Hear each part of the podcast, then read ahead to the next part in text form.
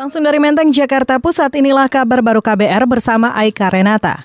Peristiwa bom bunuh diri di Kertasura di Kartasura Sukoharjo pada malam kemarin tidak akan mempengaruhi ibadah sholat id. Wakil Presiden Indonesia Yusuf Kala menyatakan, masyarakat Indonesia sudah terbiasa dengan teror jelang hari besar, maka peristiwa tersebut tidak akan berpengaruh sedikit pun pada kekusyukan ibadah id besok pagi. Semua yang berbentuk teror tentu pasti pemerintah akan memberantasnya. Karena polisi yang di depan, maka polisi lah yang selalu menjadi juga tempat untuk mereka mengambil balasan. Masyarakat sudah terbiasa dengan hal-hal yang sulit. Masyarakat tetap itu uh, memahami itu dan saya yakin masyarakat tidak terpengaruh.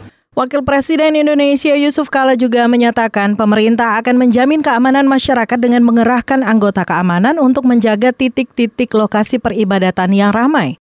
Sebelumnya, saudara ledakan bom bunuh diri menggemparkan masyarakat di sekitar Tugu Kartasura Sukoharjo, Jawa Tengah. Bom bunuh diri tersebut dilakukan oleh lelaki 22 tahun berinisial RA.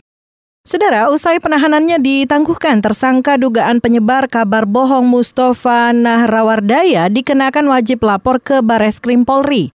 Juru bicara Mabes Polri Dedi Prasetyo menyatakan wajib lapor akan dimulai setelah Lebaran. Semua proses penyidikan yang dijalani saat ini juga akan dijalani oleh yang bersangkutan. Dan yang bersangkutan siap untuk melaksanakan wajib lapor setelah Lebaran ini untuk menyelesaikan proses penyidikan di hari Senin dan hari Kamis. Juru bicara Mabes Polri Dedi Prasetyo menjelaskan selama penahanan ditangguhkan Mustafa dilarang pergi ke luar negeri. Dedi menambahkan tidak menutup kemungkinan kepolisian akan menahan kembali Mustafa jika dianggap mengulangi kesalahan yang sama dan melanggar persyaratan dari penyidik. Kita beralih saudara PT Jasa Marga mencatat lebih dari sejuta kendaraan telah meninggalkan Jakarta sejak Hamin 7 hingga Hamin 2 Lebaran. Juru bicara Jasa Marga Ira Susianti menyatakan angka tersebut naik 33 persen dibanding hari normal. Ira memperkirakan masih ada 200-an ribu kendaraan yang akan meninggalkan Jakarta pada Hamin satu lebaran hari ini. Ira merinci kendaraan yang keluar dari Jakarta terdistribusi dalam 56 persen ke arah timur, 26 persen ke arah barat, dan 18 persen ke arah selatan. Pada arah timur ada hampir 600-an ribu kendaraan yang terbagi ke gerbang tol Cikampek Utama, dan gerbang tol Kali Hurip Utama. Pada gerbang tol Cikampek Utama, saudara lebih dari 400 ribu kendaraan meninggalkan Jakarta atau naik sekitar 200 persen dibandingkan hari normal. Sementara itu Jasa Marga juga mencatat jumlah kendaraan yang meninggalkan Jakarta menuju arah barat via gerbang tol Cikupa, Jalan Tol Merak, Tangerang sebanyak lebih dari 200 ribu kendaraan atau justru turun 8,7 persen dibanding hari biasanya.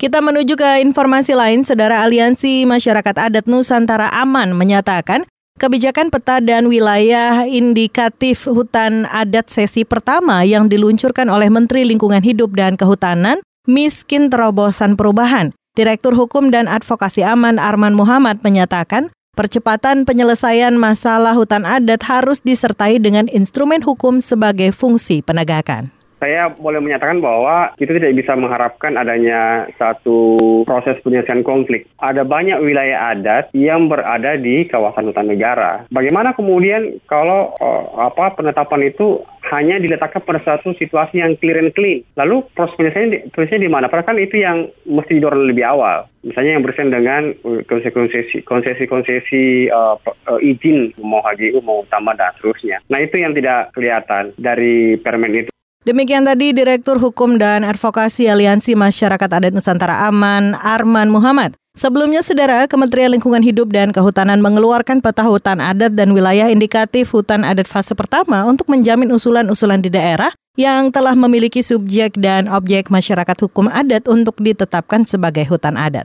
Demikian kabar baru dari kantor Berita Radio KBR, saya Aika Renata.